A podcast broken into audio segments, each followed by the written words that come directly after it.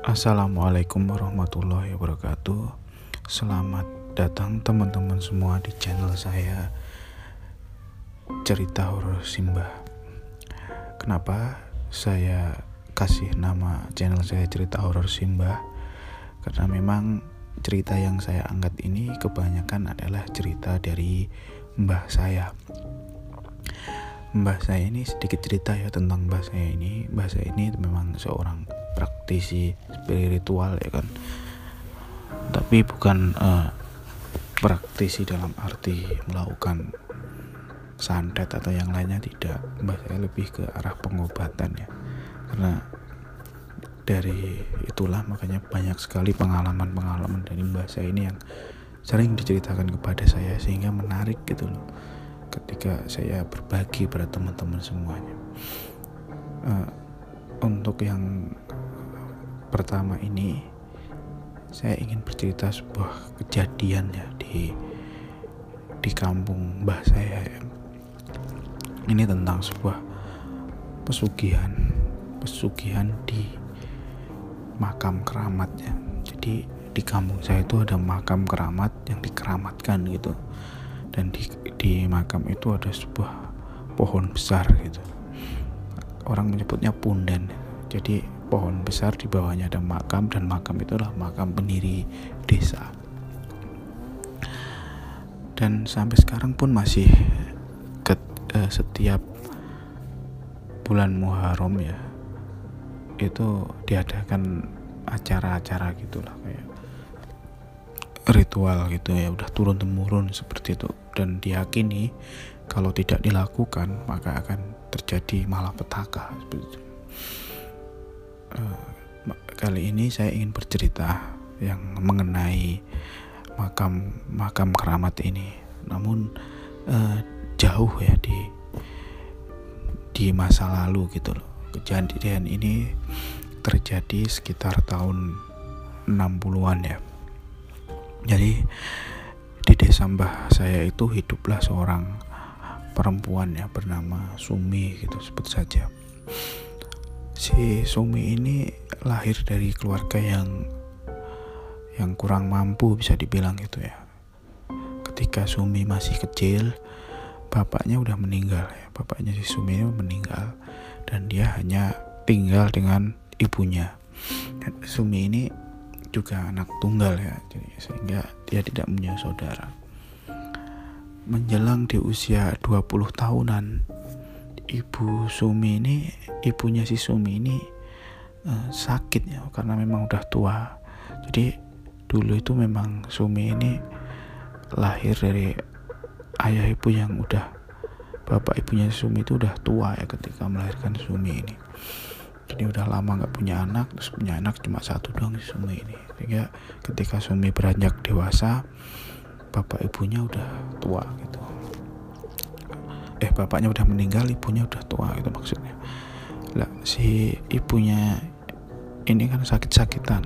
Mau nggak mau Sumi di usia yang masih muda itu dia udah udah dari belasan usia belasan dia udah mulai bekerja. Bekerja sebagai buruh tani ya. Karena memang keluarganya tidak punya sawah tidak punya ladang sehingga dia memilih jadi buruh tani yaitu mengerjakan sawah orang lain dan untuk untuk wanita waktu itu uh, pekerjaan yang ada cuma ketika nanam padi sama manen biasanya gitu.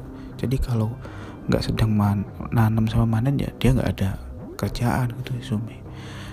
Dan keluarganya juga ibunya juga butuh hidup gitu. Dia juga butuh bagaimana untuk bertahan hidup. Sumi ini uh, merasa waduh ini berat sekali hidup gitu loh.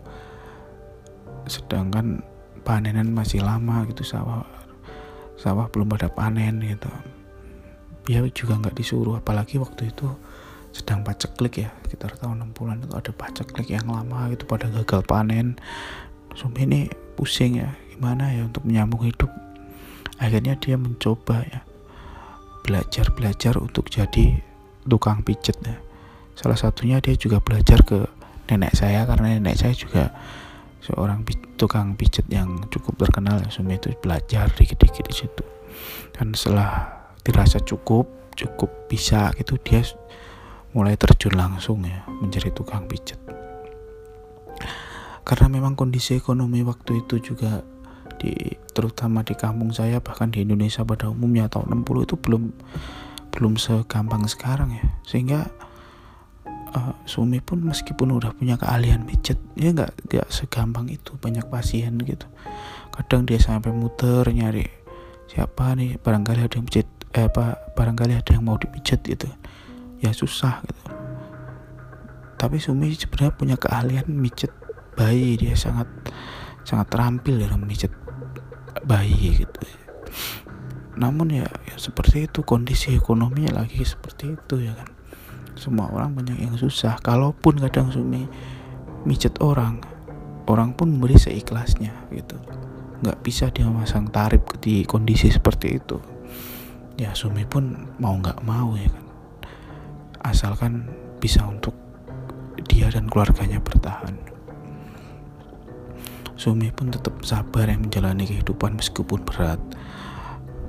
Uh, paceklik juga masih lama, masih belum jelas sampai kapan. Banyak yang gagal panen, harga beras naik.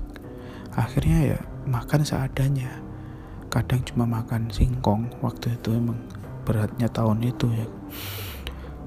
Si Sumi ini masih tetap ya mijet tiap hari ada sih cuma ya penghasilannya nggak seberapa kata mbah saya kan kata mbah Sumi juga beberapa kali saya pernah ketemu ngobrol ya dulu itu cuma 100 perak 50 perak itu udah banyak sekali katanya. Mijet itu. Dan juga mijet itu bukan pekerjaan yang uh, enak gitu kata mbah mbah Sumi kalau sekarang. Beliau sekarang udah meninggal sih. Uh, Mijet itu juga berat itu tangan juga capek gitu tapi mau nggak mau gimana tetap dilakukan. Dan Sumi pun bersabar ya, dengan keadaan seperti itu. Hingga suatu malam itu rumah Sumi ini diketok oleh seseorang tok tok tok tok nah, itu uh, sekitar pada maghrib ya setelah maghrib. Karena memang zaman itu belum ada belum ada listrik ya. Jadi maghrib itu udah habis maghrib udah gelap sekali. Bahkan biasanya setelah isya itu orang-orang udah udah pada tidur ya karena memang mau ngapain lagi gitu. Listrik belum ada TV belum ada waktu itu ya kan macam-macam hiburan seperti sekarang kan nggak ada cuma paling ngopi bentar udah tidur ya mas. Nah itu habis maghrib diketok seseorang gitu loh rumah Sumi ini dibukain lah pintunya dan di depan pintu itu terlihat seorang laki-laki ya kan eh, bapak-bapak lah paling usia 40-an kata si Sumi ini.